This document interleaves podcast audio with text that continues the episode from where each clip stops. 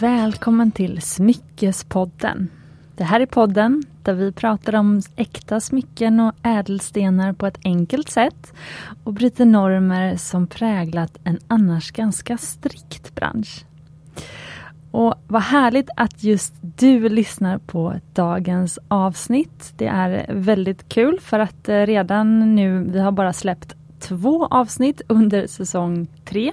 När jag spelar in det här i och för sig, så när du lyssnar på det så kanske vi har släppt några till. Men redan så har våra lyssnarsiffror skjutit i höjden jämfört med tidigare säsonger.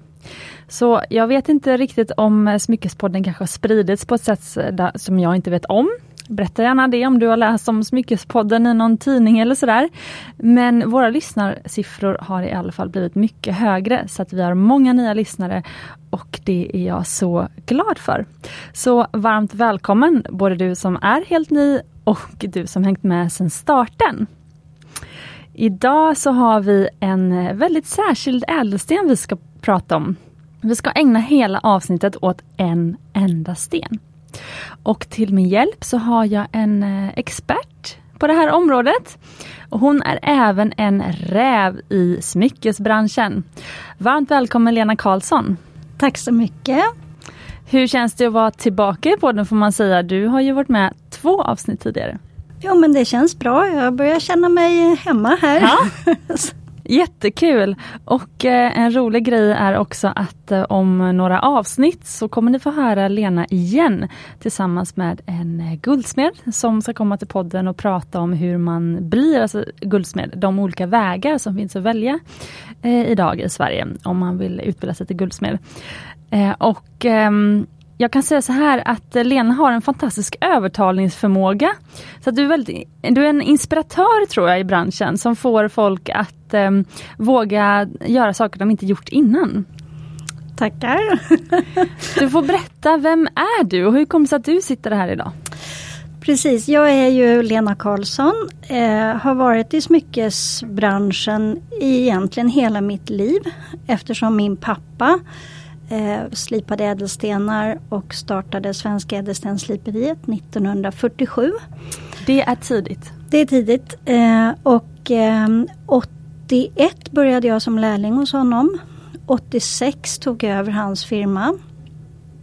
Och ungefär 2007 så blev jag invald i eh, styrelsen i branschorganisationen Smycken och klockor. Och kort därefter så blev jag tillfrågad om att sitta som VD. Så därför är jag VD för Smycken och klockor branschorganisation. Eh, men så har jag ju hela ädelstensbiten bakom mig så att säga. Ja, eh, berätta om din pappas företag. Först får jag bara fråga, finns det kvar det här företaget? Ja, det finns kvar men vi har eh, bytt namn på det. Eh, så, att, så vi har ändrat namn och det hade att göra med en sån här liten rånarliga. Så det, det var mm. därför vi eh, bytte bort det namnet. Men själva grundtanken finns kvar och eh, ädelstenarna och så finns kvar. Även om de, där är jag ju inte öppen för allmänheten utan där är jag ju bara grossist till guldsmeder runt om i Sverige. Förstår. Och när man, jag minns när, efter vårt första poddavsnitt som vi hade eh, spelat in. Eh, för dig som lyssnar på tidigare avsnitt med Lena så var det första, det var avsnitt 48. Bakom kulisserna i guld och ädelstensbranschen hette det. Och sen så även avsnitt 64. Finsmycken och vardagssmycken. Bör smycken bäras dygnet runt eller bara till fest? Eh, men när vi hade spelat in det första avsnittet, då kom jag ihåg att vi promenerade längs eh, Humlegårdsgatan på Östermalm i Stockholm. Och eh, så berättade du om dina resor. Och det tog inte så lång tid att gå den här promenaden men det kändes som att jag fick en bild i huvudet av hur du liksom har levt det här exotiska livet och letat ädelstenar över hela världen sedan du var litet barn. Ja, liten är jag ju fortfarande. 153 centimeter. Men eh, jo men visst är det så. Jag eh, har ju haft förmånen då att få följa med min pappa. Eh, dels innan jag egentligen började i den riktiga branschen så att säga. Men, men eh, så fort jag började som lärling hos honom så åkte jag med till Orienten på inköpsresor på en gång. Mm. Pappa själv reste tidigt.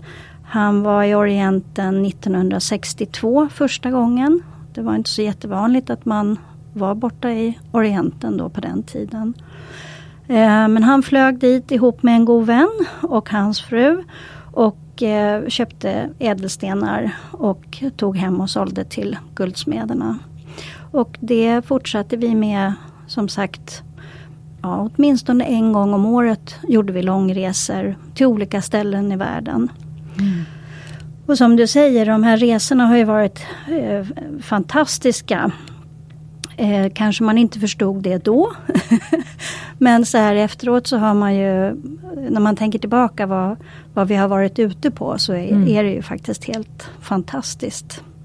Orienten, är det asiatiska länder, är det vissa asiatiska länder du nämner Orienten eller kallades det det då? Ja och vi var ju på olika ställen, vi var ju dels i Thailand, mm. eh, pappa var mycket på Sri Lanka, då på den tiden sa man Ceylon. Eh, vi var i Vietnam, gjorde, gjorde stora projekt faktiskt i Vietnam angående rubiner. Men det kanske vi tar en annan gång. Eh, så att det, det, var runt om i, i Asien och ja, det som man då kallade Orienten. Mm. Ja, för idag, ni kanske har kikat på avsnittstiteln när ni klickar in och börjar lyssna. Men jag har inte sagt det än, men idag ska vi prata om opaler. Precis. Och eh, jag har en hängiven lyssnare som, eh, eller vi har en hängiven lyssnare ska jag säga. Och hon älskar pärlor och hon älskar också opaler. Eh, och jag tycker det är så kul att eh, ta till mig och lyssna på vad ni vill höra om. Så eh, då fick jag ett önskemål om opaler. Tänkte jag, men det är kul, jag vill också lära mig om opaler. Jag kan väldigt lite om opaler. Eh, och sen så igår så la jag ut på Instagram eh, en liten frågebox i stories. Så sa jag, mm, imorgon då kommer jag träffa en opalexpert i studion och eh, då kommer jag ha opaltema. Och ställ frågor om du har. Och jag kan säga, vi har aldrig fått så mycket frågor och eh, liksom likes på den här storiesen och sådär. Det slog faktiskt eh, pärlavsnittet tror jag. Oj vad roligt! Mm. Ja. Så jag är bara så glad. Jag brukar säga det, om jag får ett önskemål då brukar jag tänka att den personen representerar många andra som har samma önskemål men kanske inte riktigt vågar skriva in. Det stämmer ju verkligen då. Det stämmer, ja. Så för säga tack Karin för att du önskade ett opalavsnitt. Du har gjort många lyssnare lyckliga tror jag. Precis. Men ska vi köra igång då kanske med det här härligt stora avsnittet om opaler? Ja, härligt, spännande, mm. kul. Ja.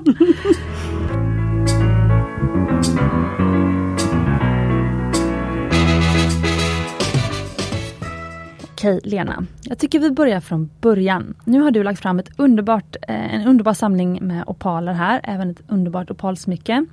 Eh, men jag tänker vi måste börja, börja från början. Vad är opaler? Hur bildas de? Och så vidare.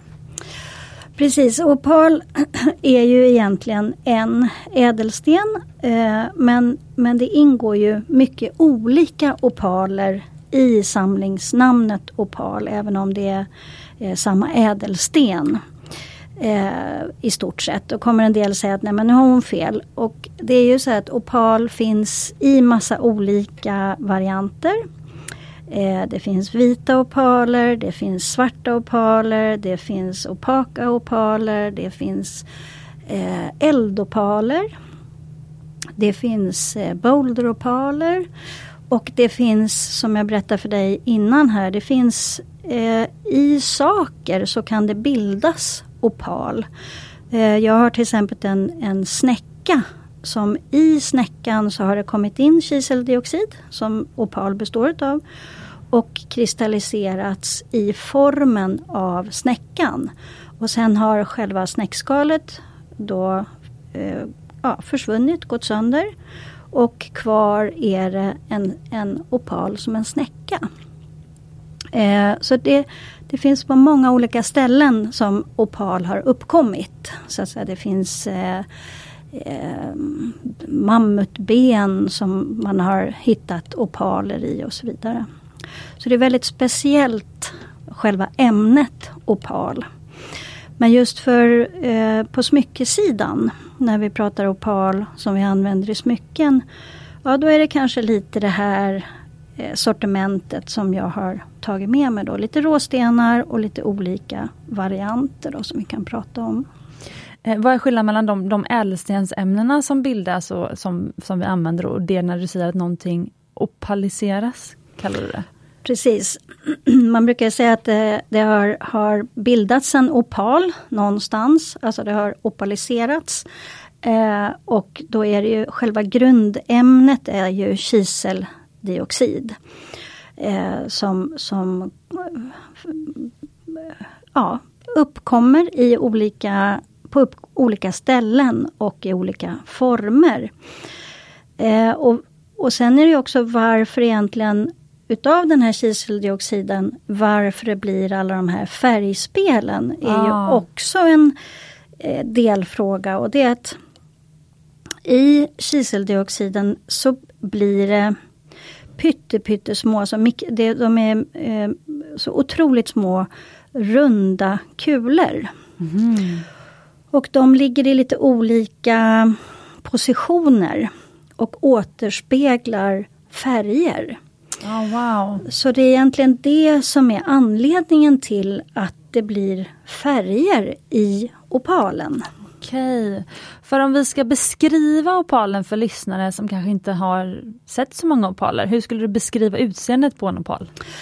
Man kan börja säga så här att ordet opal kommer ifrån ett grekiskt ord som betyder förvandling av färger eller förändring av färger.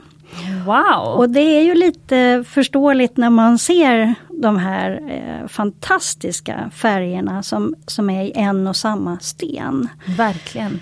Eh, och eh, Tillbaka till det här med olika varianter så är det väl lite så att den vanligaste eh, varianten som man långt, långt tidigt har haft i framförallt smycken, det är den vanliga vita opalen kallar man den för.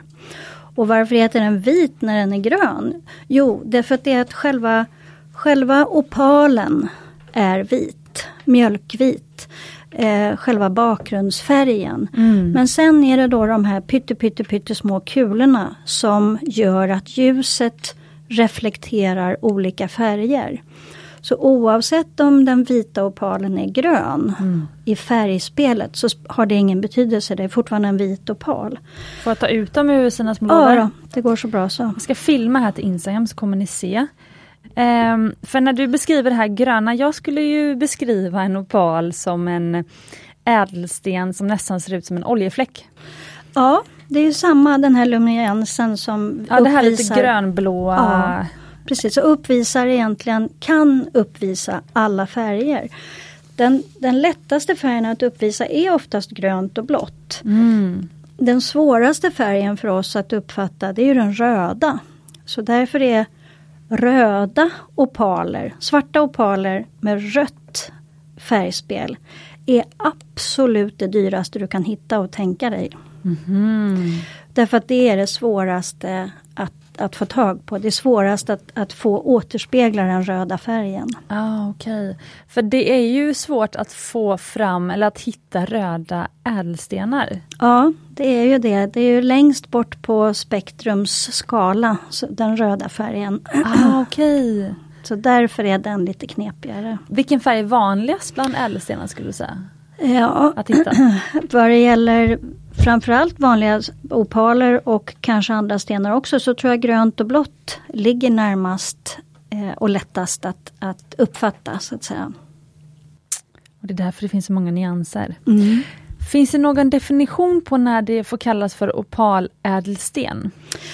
Ja, det är också en bra fråga för själva opalen är ju en, en eget, ett eget mineral mm. men har, kan ju egentligen eh, vara helt utan färgspel. Men när den har färgspel i sig och uppvisar de här eh, fantastiska egenskaperna, det är då vi vill använda dem i smycken. Precis.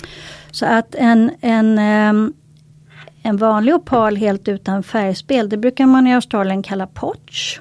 Eh, som, som är, det kan man använda till olika saker. Det, vi kommer att komma till det också därför att Ibland är det inte så att vi får en opal som är så kraftig eller tjock eller vad man ska säga så att den går att använda i ett smycke. Utan då kan man ju lägga, då gör man en dubblett. Så då kan man ha en bakgrund och då kan det vara en opal som inte har färgspel. Och på den lägger man en tunn skiva av opal med färgspel. Då får man en dubblett. Eh, vill det sig riktigt illa att eh, eh, själva opalen med färgspel är ännu tunnare eller att man gör den tunnare så kan man också ha en, en baksida, en tunn skiva opal och en bergkristall eller en glaslins ovanpå och då blir det en triplett. Okej, jag har aldrig hört tidigare om en ädelsten som byggs ihop så här av eh, människan. och det finns många. ja, okej. Vilka mer gör det? Smaragd. Jaha. Ja, dubbletter i smaragd eh, har funnits eh, sedan urminnes tider. Är de mycket billigare då? Än ja, de, oh ja. Okay. Oh ja. Och det är samma med opaler, det är en enorm skillnad. Tripletten kostar ju nästan ingenting. Eh, och en riktig svart opal kan ju kosta en miljon kanske. Ja, jag förstår. Okej, men jag tänkte vi ska, vi ska gå tillbaka till eh, grunden här och jag har fått en lyssnarfråga som lyder Eh, vad, vill, vad är det för skillnad på olika ursprungsland och variationerna som kommer på opalerna utifrån det? Fin ja, det är ju fortfarande egentligen samma mineral, kiseldioxiden. Eh, och eh, vanligast har vi varit inne på är ju Australien. Det, det är ju den största producenten av opaler. För det finns naturligt kiseldioxid i berggrunden? Eller? Ja. Däremot så har det ju Eh, jag tror i princip aldrig en eldopal ifrån Australien. Utan den kommer ifrån Mexiko mm. vanligtvis. Nu finns det alltid, eh, det finns opaler i Sverige också men, men alltså största vanligaste området som vi hittar opaler i det är absolut Australien. Och vad heter opalerna från Australien? Har de ett eget namn? Nej, Nej? Okay. utan mm. då är det, i Australien så finns i princip alla varianter. Men eh, eldopalen som är, den är ju orange. Ofta genomskinlig och med färgspel. Den kommer då oftast ifrån Mexiko. Sen nu har, vi, har det kommit mycket eh, opaler från Etiopien. Ja, okay. Eh, också kanske att det blir mer åt den vita opalen så att säga, som man hittar i Etiopien. De är också oftast lite mer genomskinliga. Mm. Och ljusrosa opaler, jag har tagit med mig ett opalarmband här som faktiskt blev defekt. Jag tänkte ställa en fråga om det sen. Men den, de här ljusrosa opalerna som är väldigt matta och inte ens har ett, eh, det här eh, klassiska färgspelet. Var kommer de ifrån?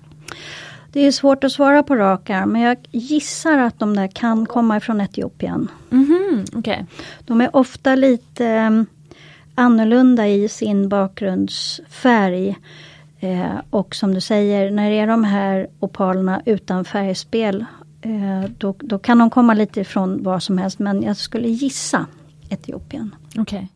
Finns det fler länder än Australien, Etiopien och Mexiko? Ja, ja. ja, men det här är de stora som vi pratar om. Det är härifrån de flesta opalerna kommer så att säga. Ja, Okay. Jag läste faktiskt att vi, att vi har hittat opaler i Sverige men, men då är det som sagt inte Det är inga vackra stenar med färgspel som man använder i smycken utan då är det mineralet man har hittat så att säga.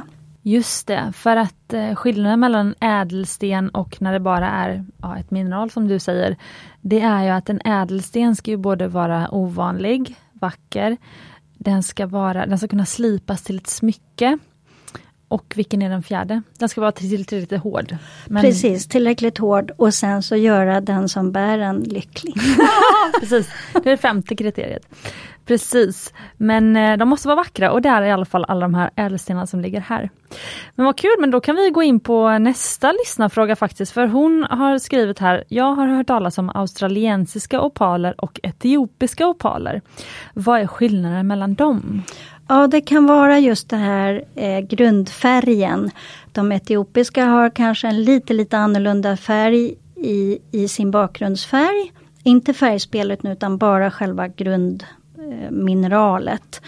De är oftast då som jag sa är lite, lite genom, mer genomskinliga.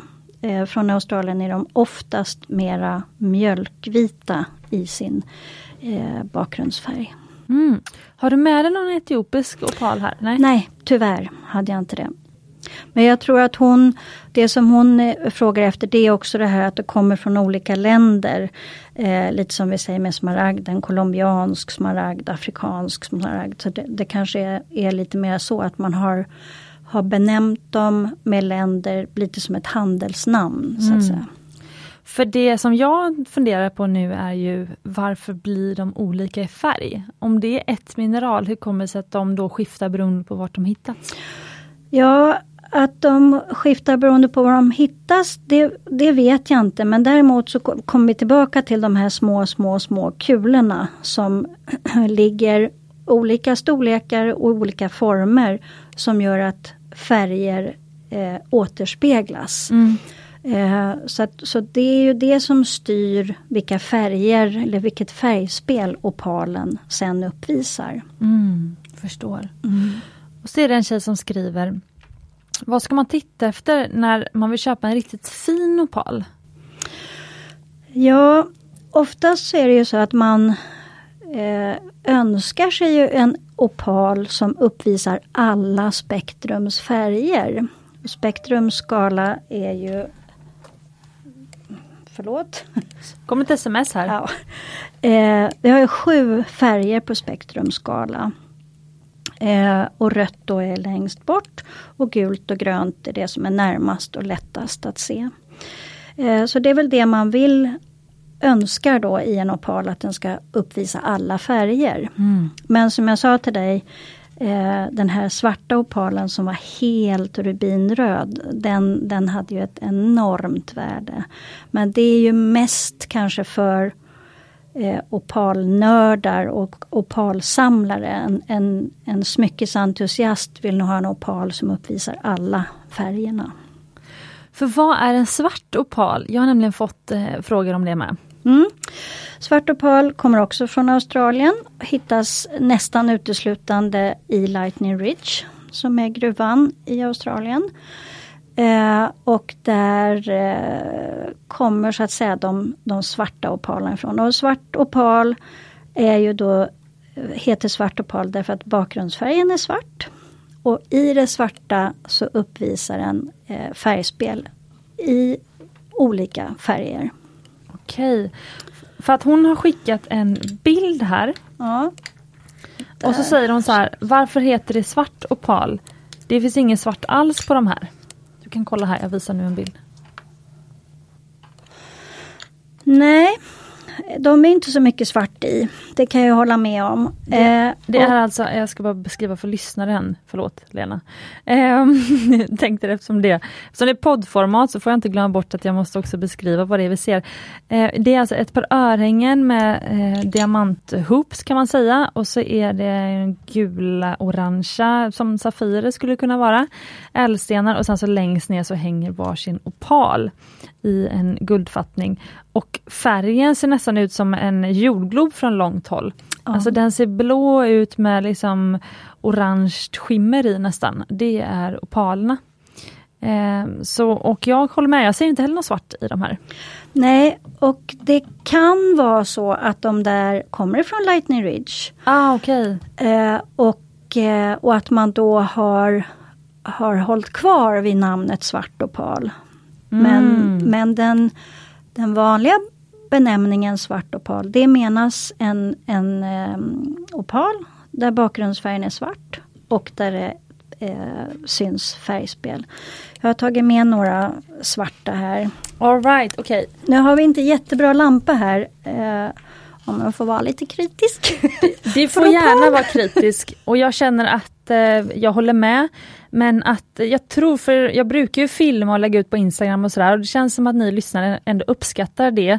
Så den här lampan får duga. Ja. Det känns som att ni tycker det är roligare än om man inte filmar alls. Ja. Så, men jag, jag tycker det är väldigt tydligt att de är eh, väldigt mörka opaler. Precis. Men för mig om jag ska beskriva dem så tycker jag de ser ut, de ser blåa ut. Mörkblå. Ja, för det är ju det färgspelet som vi ser som, som den uppvisar.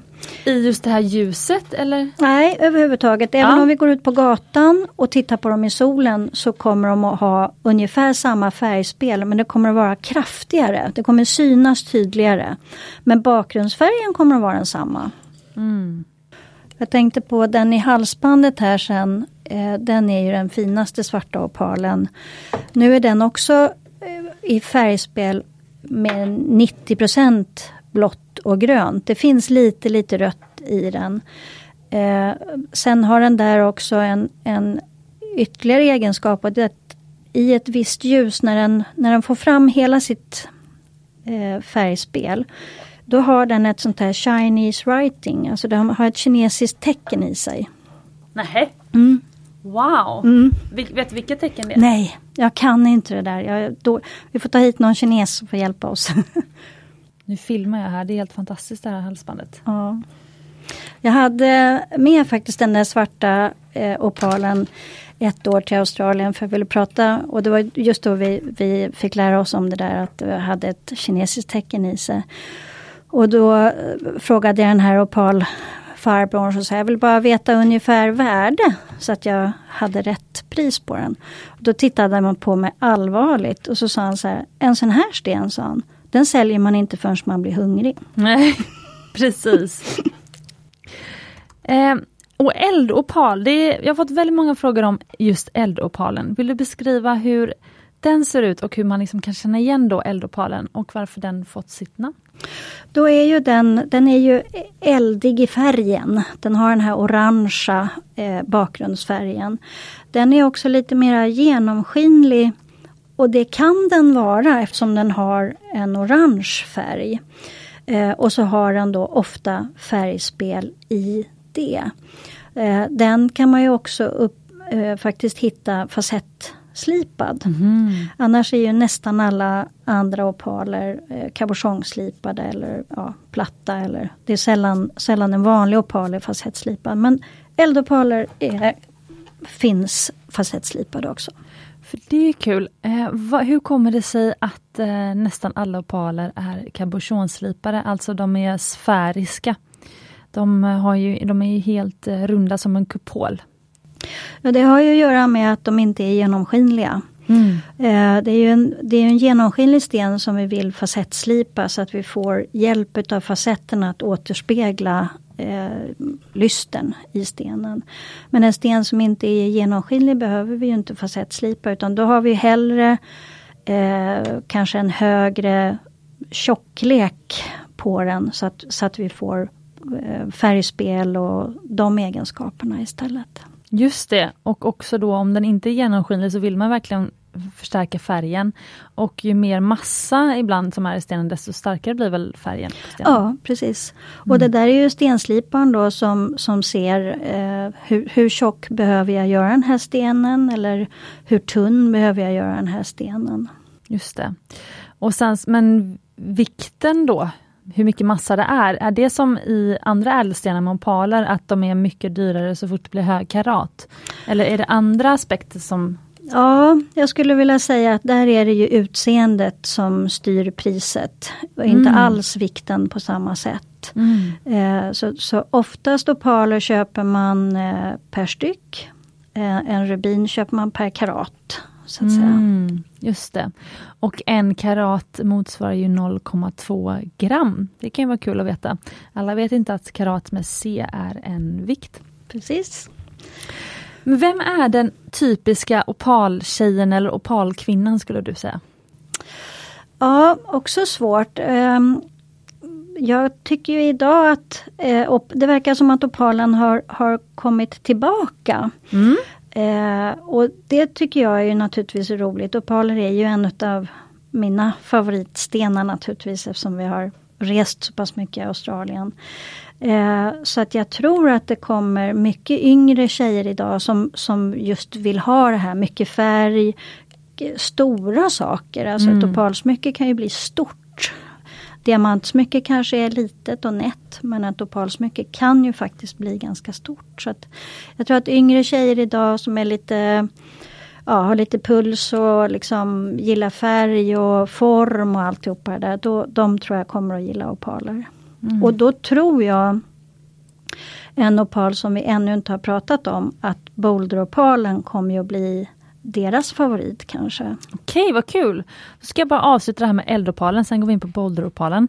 För eldopalen, är det som, ehm, nu tappar jag namnet på den svarta opalen. Mm. Att den måste komma från ett visst område för att få heta eldopalen? Ja, och det är ju då framförallt i Mexiko som man hittar eh, i stort sett alla eh, eldopaler från. Mm. Fire Opal heter de på engelska. Förstår. Så om man hittar en Fire Opal då kan, man, då kan man vara säker på att den kommer just från där i Mexiko? Ja, uteslutande är det ju så. Det, det finns alltid små sidostickare. Som jag sa, det finns opaler i Sverige men det är inget, inte så vanligt att vi använder dem i smycken. Men det är svårt för mig att säga att alla eldopaler kommer från Mexiko, för, för det, så är det ju inte. Men den stora massan kommer ifrån Mexiko. Vanligast är att de kommer från Mexiko. Förstår. Jag tänkte att det kanske var som champagne eller parmaskinka och sånt. Just det, nej det är inte riktigt så. Nej, okej. Okay. Eh, okej, okay, boulderopalen. Det ja. lät ju spännande. Precis. Och då blir det så här att eh, när pappa och jag höll på med ädelstenarna, alltså det här var ju 88. Eh, då sa jag till min pappa så att vi måste åka till Australien. Och vi måste köpa boulderopaler. Mm. Och pappa bara, men alltså Lena, nej det tror jag, jo nu åker vi. Ja, så vi bokade en resa, åkte till Australien, vind för våg. Eh, hyrde bil, åkte tåg. Alltså vi var på sån otrolig häftig resa. Eh, och träffade opalkillar som hade gruvor. Och vi letade oss upp till Först var vi i ett område som hette Kanamalla. Och därifrån så har man de här, de heter Javanat. Det är, de är som en eh, kiwifrukt ungefär kan man tänka sig. Och när man sågar dem så uppvisar de opal i sig. Mm, wow. Och så kan man då göra smycken utav dem. De ser ut som eh, stenskivor kan man nästan säga. Ja, precis. Och då är det ju de partierna som har mest färgspel som man vill åt så att säga. Eh, och eh, efter vi hade varit där och köpt massa roliga stenar. Eh, man, kan, man kanske ska kalla det avokado för man ser nästan kärnan, eller hur, som en mm. avokado har. Jag filmar här nu. Ja. Ska se. Väldigt häftig. Mm och kan bli stora smycken. För här är det ju inte bara opalen utan här är det ju opal som är med i moderberget. Liksom.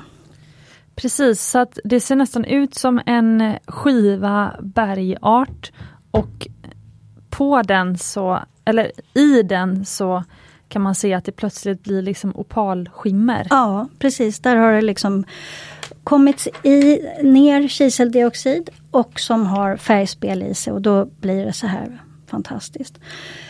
Eh, och det är det också då som man ser i de här boulderopalerna. Här kan man verkligen se att i små sprickor i berget, det här är ju moderberget.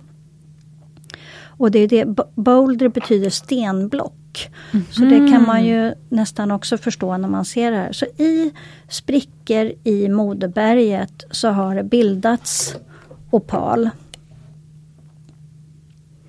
Och, och det här är ju naturligtvis, förstår man ju, svårt att göra en ädelsten utav eller smyckesten utav. Ja, det ser nästan ut som att det kan vara som en installation eller prydnadssten i eh, inredning. Ja, vi var hos en opalhandlare, han hade en hel vägg med såna här. Och så här då Eh, kan man eh, visa också hur det ser ut då när man har knackat loss eh, själva bouldern, alltså moderberget. Då kommer man åt den här opalytan. Och ju finare färgspel den uppvisar, ju mer lägger man ju manken till att få ut en sten utav det. Och då är det ju samma sak här att det här kan man ju inte göra en sten, man kan inte göra en smyckesten utav den här tunna tunna. Utan då behåller man moderberget bakom. Mm. Och här är vi, som din fråga var, karat eller per styck. Det här kan man inte sälja per karat för då skulle man ju behålla ett kilo moderberg. Mm. Utan här säljer man per styck då istället. Så att säga. Just det, för bland vanliga ädelstenar så motsvarar ju en högre karat nästan alltid en hög, ett högre pris. Precis. Så, så där ser den ut när den är slipad och där har du moderberget då bakom. Jättesnyggt. Jag har fått en fråga. Vad ska man tänka på eller akta sig för vid köp av opaler? Ja, det finns ju en del eh, saker som kanske inte är opal. Mm. Eh, så det är, väl, det är väl det. Och sen vi är tillbaka till det här att, att man ska alltid köpa en sten som man tycker om. Som man blir glad av att använda och som man uppskattar själv. Eh, för det är ju det som till sent och syvende betyder någonting. Det här smycket gör mig glad att använda så att säga. Priset är egentligen oväsentligt. Det är ju värdet för dig som är det viktiga. Men vad menar du när du säger att vissa grejer är inte opal? Det finns ju som, som de här opaldubbletterna och opaltripletterna. Eh, det är ju delar som man har satt ihop och gjort en sten utav. Men det är ju inte en, det är ju inte en genuin homogen opal så att säga. Sen finns det också eh, opaler som har varit vita, som inte har något färgspel alls. Som man kokar i socker. Och de två som du har där, de som ligger, nej de stora blåa, de, det är alltså eh, vanliga vita, helt eh, ports utan färgspel som man har kokat i socker och så ser de ut som svarta opaler. Och då har de helt blivit svarta och de har massor med färgspel i sig. Men! Men det är ju inte naturen som har gjort det utan det där har man ju liksom eh, fuskat till då. Men eh, okej, för att det här var ju de som vi trodde var svarta opaler. Ja. I början. Ja. Otroligt, men eh, är det mycket lurendrejeri? Nej, det är det inte, faktiskt inte. Men eh, man, man bör ju alltid vara lite vaksam och lite ja, undersöka lite och sådär och lita på dem man handlar utav. För min erfarenhet av opaler som liksom en av alla olika ädelstenar, det är ju att opaler är ganska känslig.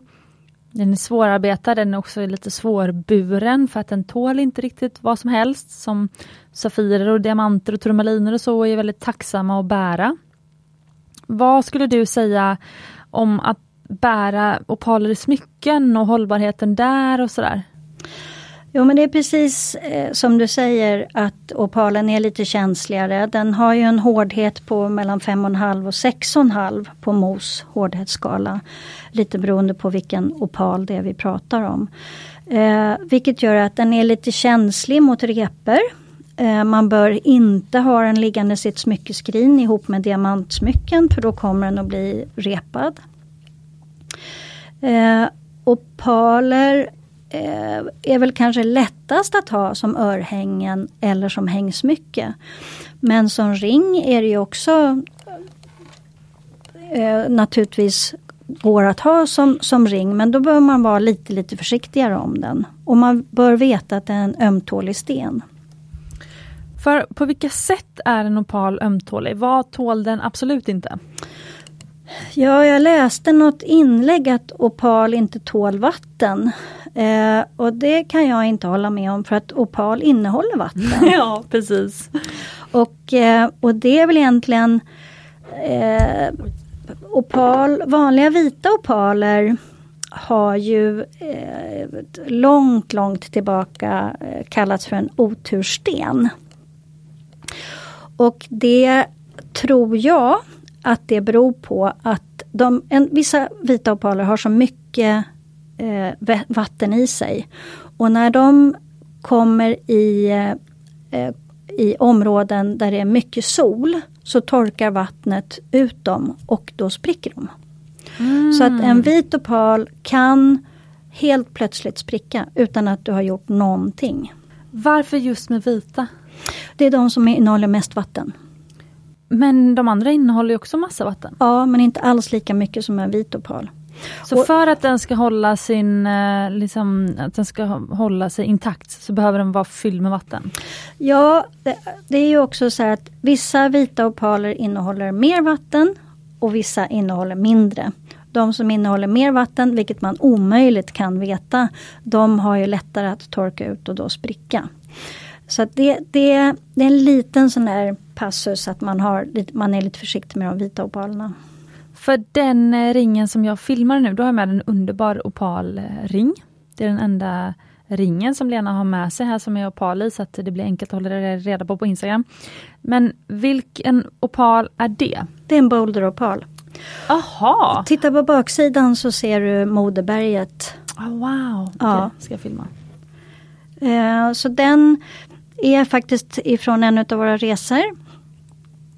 Och eh, vi samarbetade då på den tiden med en guldsmed som heter Bernt Högqvist som hade eh, sin smedja i Gamla stan. Och han gjorde massor med smycken eh, utav våra opaler. Så det här är en av era opaler? Ja. Wow, mm. den är dekorerad med diamanter runt om. Och det också en liten guld... Eh, Stilleben? Eller? Ja, ja, precis. Och det är, På opalen? Ja, och det är därför att under den där guldpluppen så har, så har stenslipan kommit åt lite utav moderberget. Det har kommit upp i ytan. Så för att dölja det så satte vi en liten guldplupp där. Lägg av, så smart. så man kan gjuta in guld rätt på opalen? Ja, där är faktiskt borrat med ett stift och limmat. Ah, okay. mm. Som en pärla då? Ja, som en precis. Mm. Ja. Så att, men, och de där eh, smyckena är ju naturligtvis fantastiska och väldigt effektfulla. Eh, och den där ringen kanske inte är någon ring som man heller har varje dag. Utan jag har en eh, ofta när jag har jeans på mig för jag tycker att den passar fantastiskt bra till jeans. Eh, och, men som sagt, det är ingen varje dag ring utan den, den används ibland. Det är en väldigt fin blågrön ton i den. Precis. Så med. Passar bra till jeans, håll med. Jag har fått en fråga. Mm. Är det lämpligt att ha opaler i ringar? Precis, och det är ju det svaret nu som vi har haft att eh, beroende på hur man ska använda den eh, så, så får man, man får, man får gå, gå tillbaka med frågan till sig själv. Vill jag ha det här smycket varje dag? Då kanske jag gör ett hängsmycket av det. Eh, vill jag ha det lite då och då, ja men då kanske jag gör en ring eller ett tufft armband eller någonting sånt där. Så man, man måste bära med sig vetskapen om att, att man ska vara lite, det är ingen diamant utan man måste vara lite försiktig med det. För nu eh, avsnittet som vi kommer släppa innan ditt avsnitt handlar om basgarderoben av smycken. Och då skulle ju den här opalringen kunna vara den här speciella, one of a kind smycket i din basgarderob. Ja. Men kanske inte det som du har på dig när du vet att du ska Ja, säg själv. När, när bör man inte ha på sig en sån ring? Experten får uh, tala. Ja, men vi pratade ju förra gången jag var här om vad vi hade på oss i trädgården. Mm. och den går inte bra i trädgården. Men den går på vilket party som helst. Uh, och uh, nej, men som sagt, den, jag använder den ofta faktiskt när jag har jeans på mig för att den, den tillför ganska mycket. Den blir effektfull liksom när man har en eh, T-jeans. Om jag ska trendspana så tror jag faktiskt att man kommer dela upp mycket mer. Med man menar jag den generella eh, smyckespodden-lyssnaren kanske, eller smyckesälskande tjejen. Eller killen. Att man kommer dela upp mycket mer mellan sina varje smycken som kanske är väldigt enkla. Det har varit så trendigt nu med tunna ringar och liksom små örhängen och sånt där. Och så kommer man dela upp det och så kommer man ha de här riktigt spejsade, härliga, liksom supercoola smyckena. Som till exempel, jag ser på dig, du har ju en väldigt häftig för, för mig ser det ut som ett, ett halsband med ett kluster av olika safirer i olika färger. Jag vet inte om det är Nej, Nej för jag tänkte fel. säga det att om du gissar rätt så ska du få halsbandet. Oj! Tusan också. Hade jag tänkt till mer. Jag kan, eh, jag kan skvallra och säga att det är ingen som har lyckats gissa rätt på stenarna. Mm -hmm. mm. Då får du avslöja då. Ja, det ska jag göra. Och då kommer jag genast ta bort det där erbjudandet. Ja, jag ska filma den också. Ja. Eh, det här är, eh, det representerar lite mig och Ädelstensfirman. Det är färg och form. Så det är en, eh, jag kan säga så här, det är två stycken Safirer. Det är tre granater och två briljanter. Mm. Briljanterna fick du lite hjälp med. För det är ju bara runda som får heta briljanter. Mm, precis. Men du menar att det är diamanter? Ja. Ja. Supersnyggt är det. Eh, nu tappar jag tråden. Jo, det var ju det här, just det, precis. Bas. För att du som, precis basgarderoben. För att du som eh, har eh, haft ett smyckesintresse väldigt länge. Du har ju, det känns som att det är naturligt då att du liksom har, har byggt på det här med att du har till exempel ett enkelt, är det silverarmband på dig? Ja. ja. Och sen så har du också det här liksom supercoola liksom, men nästan festsmycket runt halsen. Och det känns som en naturlig del när man liksom, man kanske börjar med ett väldigt sådär med enkla basgrejer som inte sticker ut så mycket och sen allt eftersom åren går och man bli mer bekväm med smycken också. Många är inte ens bekväma att bära smycken när man börjar bära smycken. Nej, och det där var vi inne på förra gången jag var här, att man kanske börjar med eh, lite enkla, lite mera slät, en slät ring, du kanske har en lite grövre guldkedja, du kanske har något diamantörhängen eller någonting sånt. Och sen på det så, så kan du alltid komplettera, alltså en snygg guldkedja eller som det här som jag har en stel guldhalsring så kan jag ju sätta på massor med olika saker. Det trär jag ju bara på så byter jag ju allt efter vad som passar mig. Just det, det är också en rolig grej faktiskt för att istället för att du har den här coola ballocken med de här olika färgade stenarna på en eh, länk så har du den på en stel halsring. Mm, precis. Det är faktiskt väldigt kul. Det kan inspirera andra lyssnare också faktiskt att man behöver inte alltid liksom ha ballocker på, trädda på en kedja. Nej. Så att gör jag då bara mina hängsmycken med lite större ögla, då kan jag ju liksom trä på dem på den här halsringen så behöver jag inte ha dem på en kedja. Inspo.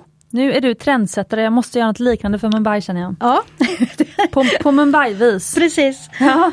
Men, Eh. men det är precis som du säger, jag, jag kan ju vara väldigt enkel. Mm. Jag, kan, jag kan i princip gå med min släta guldring eh, och ett silverarmband eh, i, i princip i flera veckor. Mm. Och sen helt plötsligt så, så plockar jag ju på mig mycket saker. Jag plockar på mig mycket färg, jag plockar på mig mycket form och liksom så att det går väldigt mycket, det svänger väldigt mycket om mig i vad jag använder och vad jag har på mig. Liksom.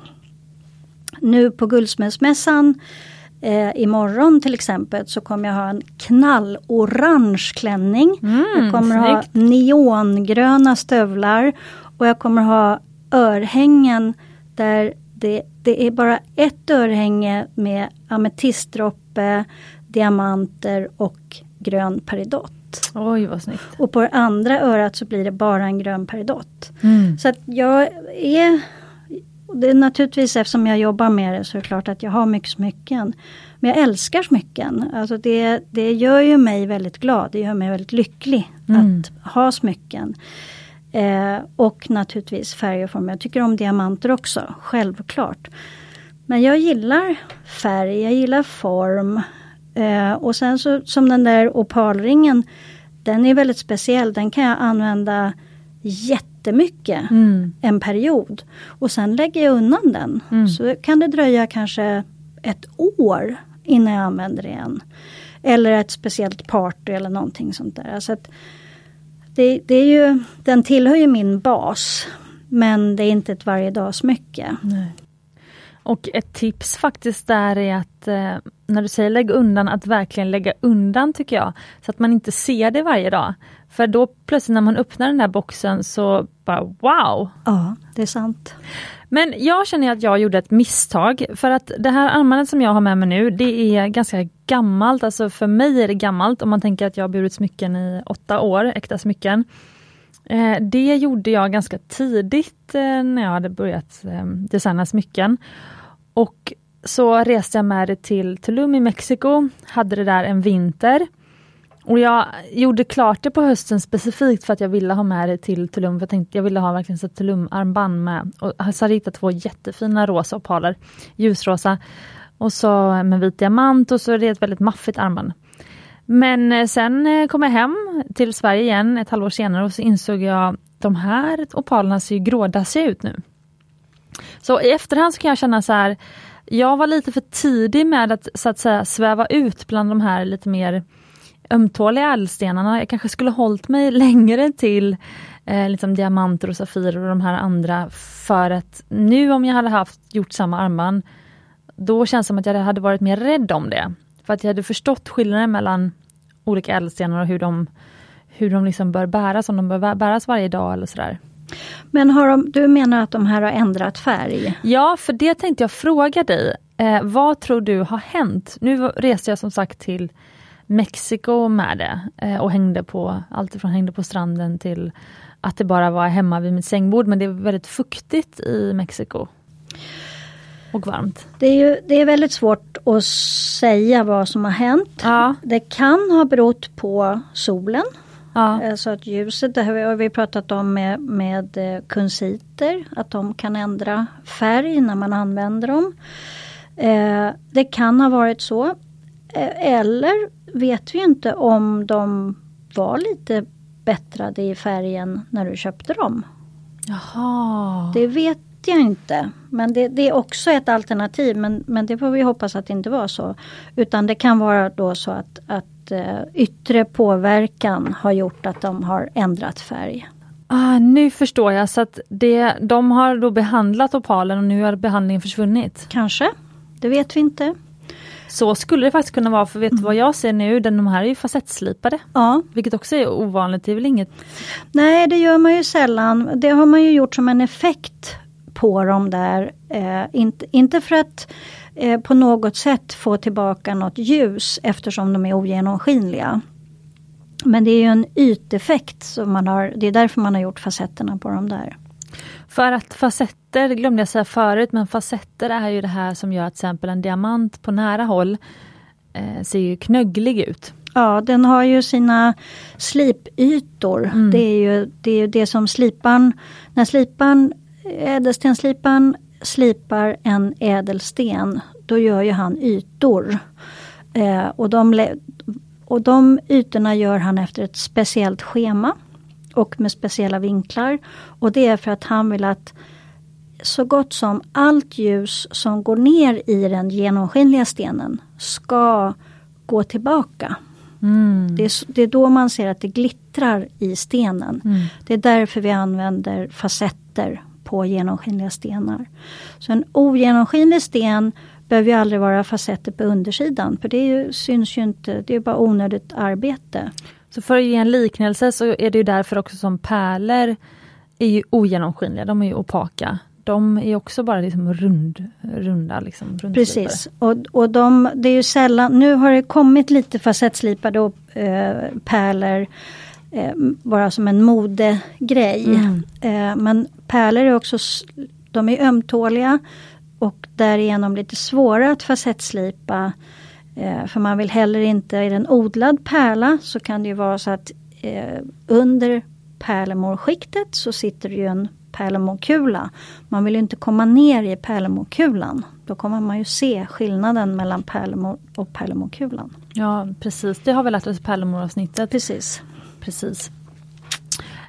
Um, för nu, har- jag tyckte ändå att vi kom in lite granna på lite så här, eh, kärnan här. För att jag måste ju då erkänna att, um, eller bara dela med mig av att det här var ju mitt ett experiment också. Jag, eh, som alla som skapar produkter tror jag gör, de eh, gör ju prototyper till sig själva först. Och så provar de och liksom ser ja, men hur reagerar det här materialet och den här produkten och är den hållbar och sådär i olika situationer. Och eh, vi började ju aldrig med opaler efter det här för att jag lyckades aldrig liksom komma ner till vad var det som hände med de här stenarna. För jag vill ju kunna liksom till kunderna sen då vill man ju vara säker på att man ger rätt råd, att man så är verkligen säker på de material man använder. Men också de här opalerna kom ju från ett parti, jag köpte ju dem av en stenhandlare som inte är specialiserad på opaler.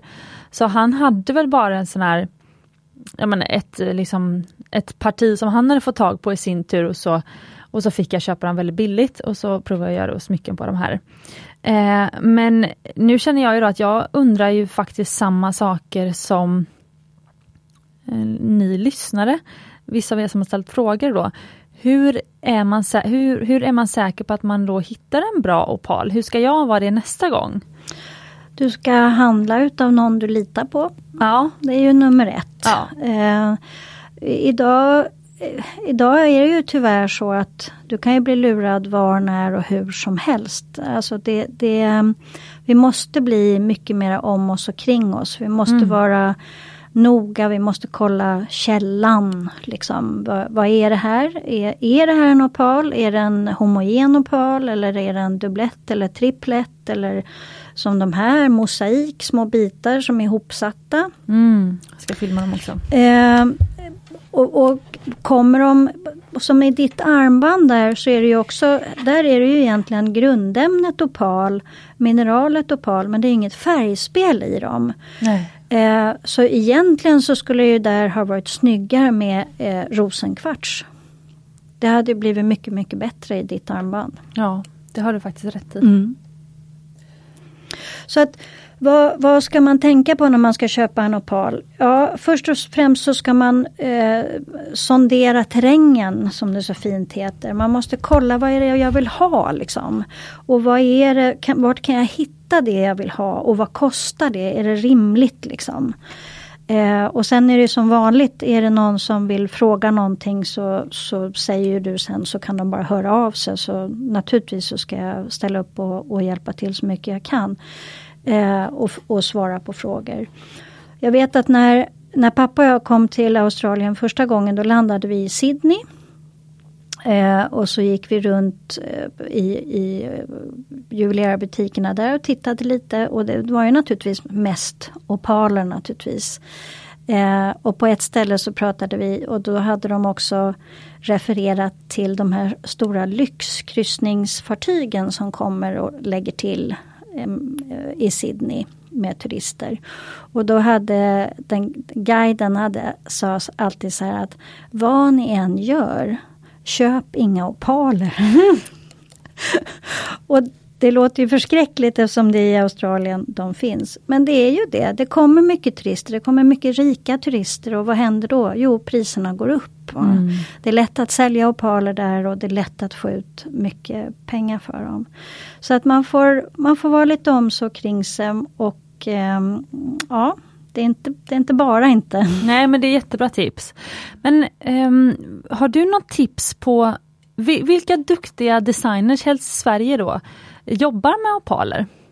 Man vill hitta de här eh, liksom, vackra opalsmyckena. Ja, nu har det varit en period som du har pratade om innan, där opalen har varit lite omodern ett tag.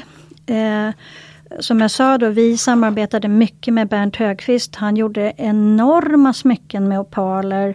Eh, det där som du håller i nu, det har min pappa gjort för han tycker att det ser ut som ett hav och så har han gjort små segelbåtar i silver och lagt på. Det är helt magiskt och jag skulle kalla det här för nästan mosaik. Ja, men det är, det, mosaiken är ju den runda stenen. Den. Ja, jag, jag jämför här med att jag tar kort här på den bredvid, mosaiksmycke, men jag tänkte mer att det var eh, liksom ihopsatt av olika delar. Ja, nej den med segelbåtarna är en boulderopal. Ja det är bara, men segelbåtarna är ihopsatta av små guldflagor. Ja, ja, och de blir som mosaik. Ja, wow. och de är limmade på. Mm. Eh, så att, så det, och, om man köper en opal idag eh, som sten så ska man naturligtvis gå till någon guldsmed som man tycker om designen som är, har samma stil. Mm. Eh, och, och, det behöver inte betyda att han är mer duktig eller mindre duktig som guldsmed utan det är ju som en konstnär. Picasso och Monet hade helt olika eh, sätt att, att uttrycka sin konst på. Så är mm. det med guldsmeder idag också. Att man måste hitta den guldsmeden som man tycker har exakt samma stil som man själv har och då låta den guldsmeden rita ett snyggt smycke till, till mig personligen så att säga. Men Det var en bra beskrivning för att jag kan tycka att vissa personer missförstår. De tror att de kan gå till vem, vilken guldsmed som helst eller smyckesdesigner och visa en bild på ett smycke som de tycker är fint men som är helt olikt det som designern eller guldsmeden själva gör. Nej, det går inte. Nej, det, nej. Jag håller med. Mm. Nej, du måste hitta utav de guldsmederna som vi har idag som jobbar eh, 100% som guldsmeder och tillverkar sina smycken. Eh, så finns det massor med olika stilar. En del har mycket grövre, en del har lite råa ytor, en del har lite fint, tunt, eh, liksom smidigt, smått. Och där måste man hitta eh, sin guldsmed och, och, tillbaka till, det har absolut ingenting med att göra vem som är skickligare än den andra utan det är bara våra olika stilar. Precis. Och så Nu måste vi börja runda av, men vi har några minuter kvar. Men jag har fått en fråga också, hur sköter jag mina opalsmycken så att de inte blir stumma inom citattecken? Så bara så att andra lyssnare förstår, vad innebär att de blir stumma? Det vet inte jag. Nej, okay. jag kan tänka mig att han menar att de blir matta. Mm. Eh, och, och mattheten kommer ju av att poleringen, har, har, poleringen på ytan har blivit matt och då ser man inte glansen eller färgspelet lika bra. Då får man gå till en ädelstenslipare och slipa om dem. Eh, det går att göra. Eh, i, I alla fall 99 fall av 100. Eh, I vanliga fall så hur, hur förvarar jag min opal? Ja, jag förvarar dem i smyckeskrin. Men jag har ju som vanligt alltid alltid varje smycke i en separat påse för mm. att de inte ska liksom komma åt varandra. Mm. Eh, och sen är det ju det här med fukt och grejer. Alltså alla opaler tycker om fukt och, och, och, mina de här opalsmyckena de har jag ofta liksom bara lite så här i ansiktet. Och ja vad så, fint, du, ja. du klappar med den i ansiktet. Gulligull så här ja. och så blir det lite fett och så blir det liksom lite fukt och så. Det är lite som med pärlorna alltså? Ja. Häftigt! Ja. Så opalsmyckena mår bra av att bäras då också? Ja det gör de, absolut men de tål vatten, eller hur var det med det? Om man har en ring eller armband och så, och så tvättar man händerna eller man har opalsmycken, kan man duscha med dem? Ja. Hur, hur, är det med sånt? Okay. Det går alldeles utmärkt. Om det inte är limmat. Vi är tillbaka mm. till det här då att vissa saker är limmade, dubbletter och tripletter är limmade.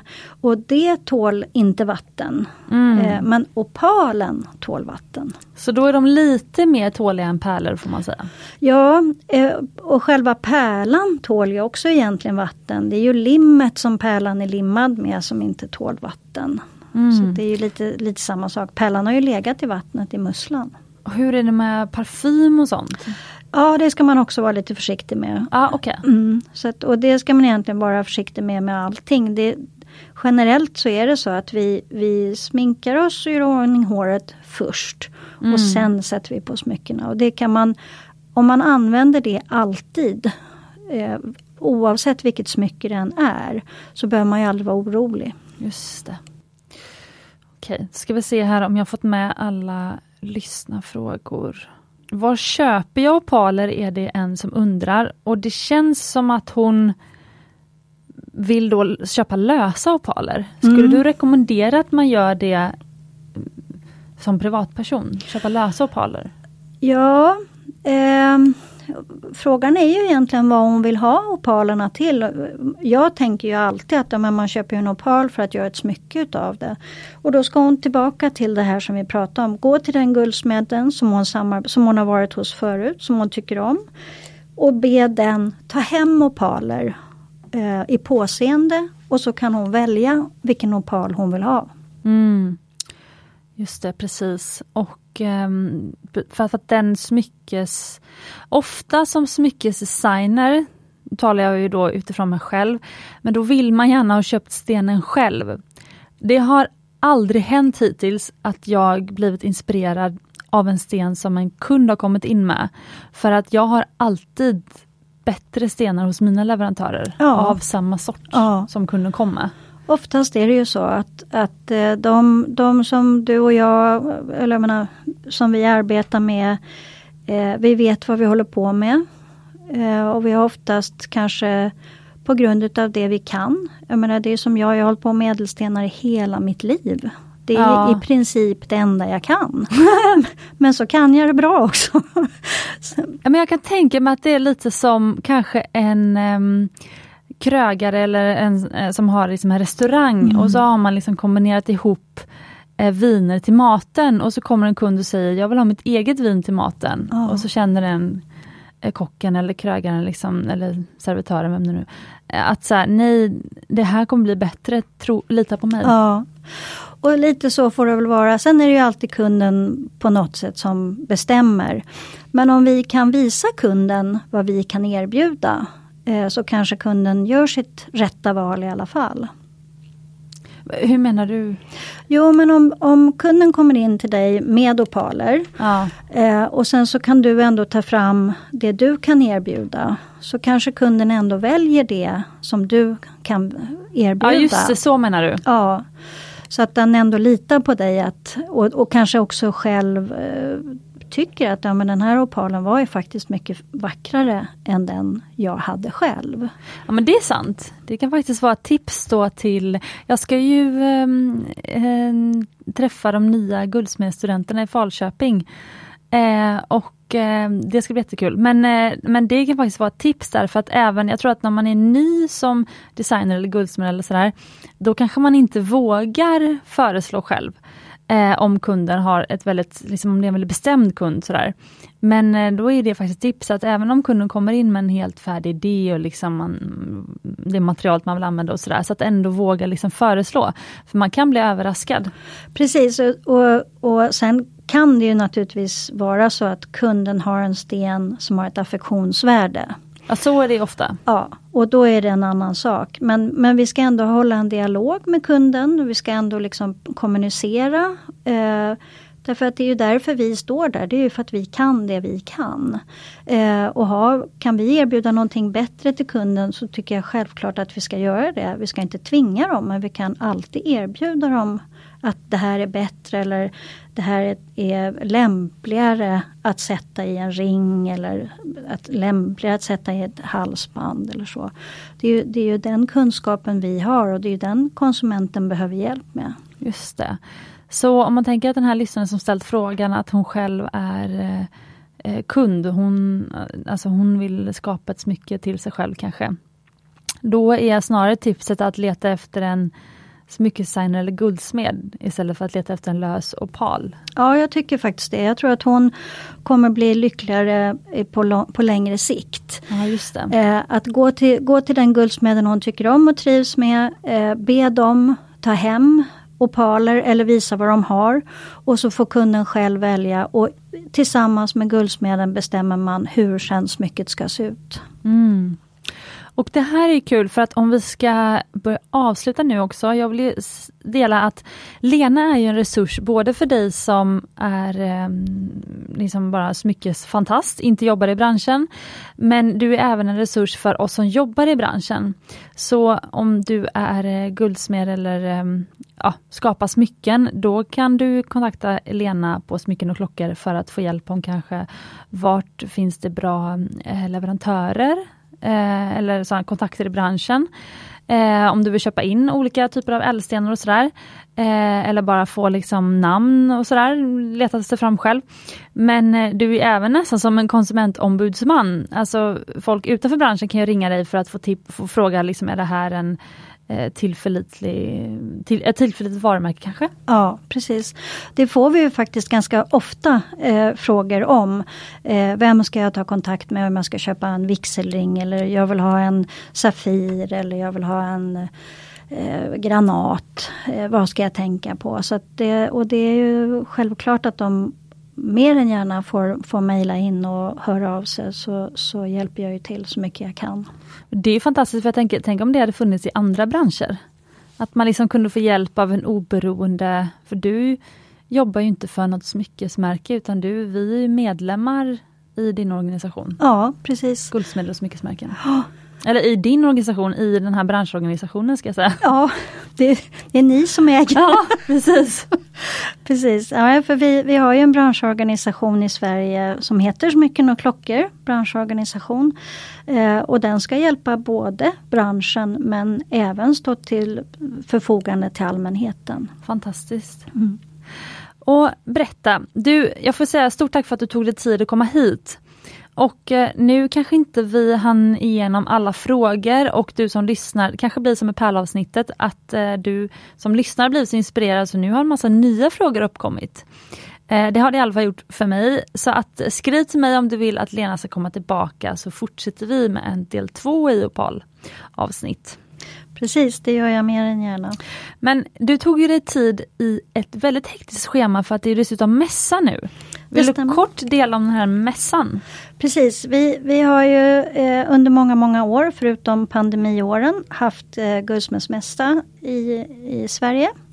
Eh, och det är de olika leverantörerna, eh, olika tillverkare som är där och ställer ut och visar sina produkter. Och det är en fackmässa så tyvärr får ingen allmänhet komma. Utan det är guldsmeder, silversmeder, eh, juvelsfattare, eh, gravörer, alltihopa som träffas på mässan. Tittar på nya varor, tittar på nya maskiner, nya verktyg. Eh, nya arbetsbänkar kanske att sitta och arbeta vid.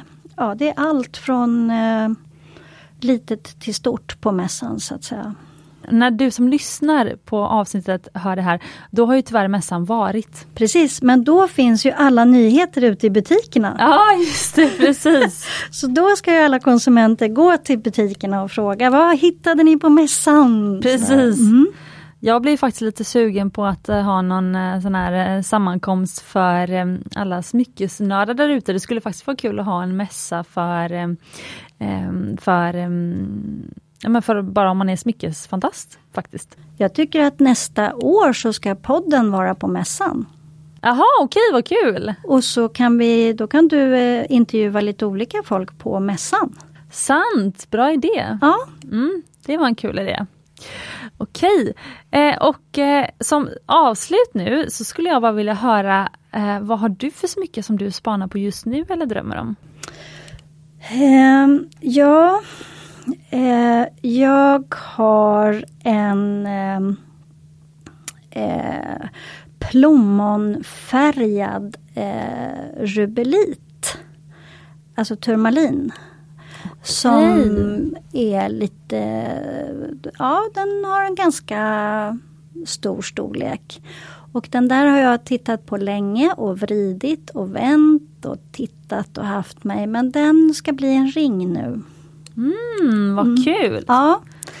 Så får vi se, den blir nog inte färdig inom den närmaste framtiden men kanske något avsnitt att den kommer med.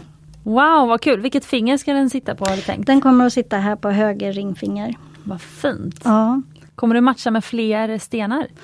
Den kommer nog att ha förmodligen diamanter bredvid sig eller runt sig eller någonting sånt. Det kom, jag tror att jag skulle vilja ha en ganska klassisk modell. Mm. För jag vill kunna använda den ofta. Inte i trädgården. Nej. Men äh, ja, så den, den får vi matcha när jag inte har jeans på mig. Vad kul! Och jag kom på en grej bara för att avsluta det här hur man ser att det är en fin opal tänkte jag på. Men egentligen så låter det som att det handlar om att priset ska vara rätt. En opal kan vara både precis intakt som den hittades i gruvan men den kan också vara sammansatt av olika, olika opaler vilket är lite ovanligt för att vara ädelsten. Till exempel den här mosaikformen eller, eller den här boulderopalen som är bara hackad ur berget egentligen. Mm. Eh, så att en opal kan se ut lite hur som helst men att den ska ha rätt pris då att man att den inte är, att de, ja berätta hur, Nej men man måste ju naturligtvis hitta en nivå. Vad jag är beredd att, att lägga på ett smycke. Det, det måste man ju på något sätt eh, ha med sig. Eh, och, och, utifrån det så får man leta vilken, vilken sten eller vilken opal kan jag få för de här pengarna. Eh, och vilken utav dem tycker jag allra bäst om. Så att säga. För det känns inte som att det är, för med pärlor, då var det väldigt tydligt den som skimrar mest och har vackrast skimmer, den är den finaste. Men tolkar du rätt Mats så är det inte med opaler?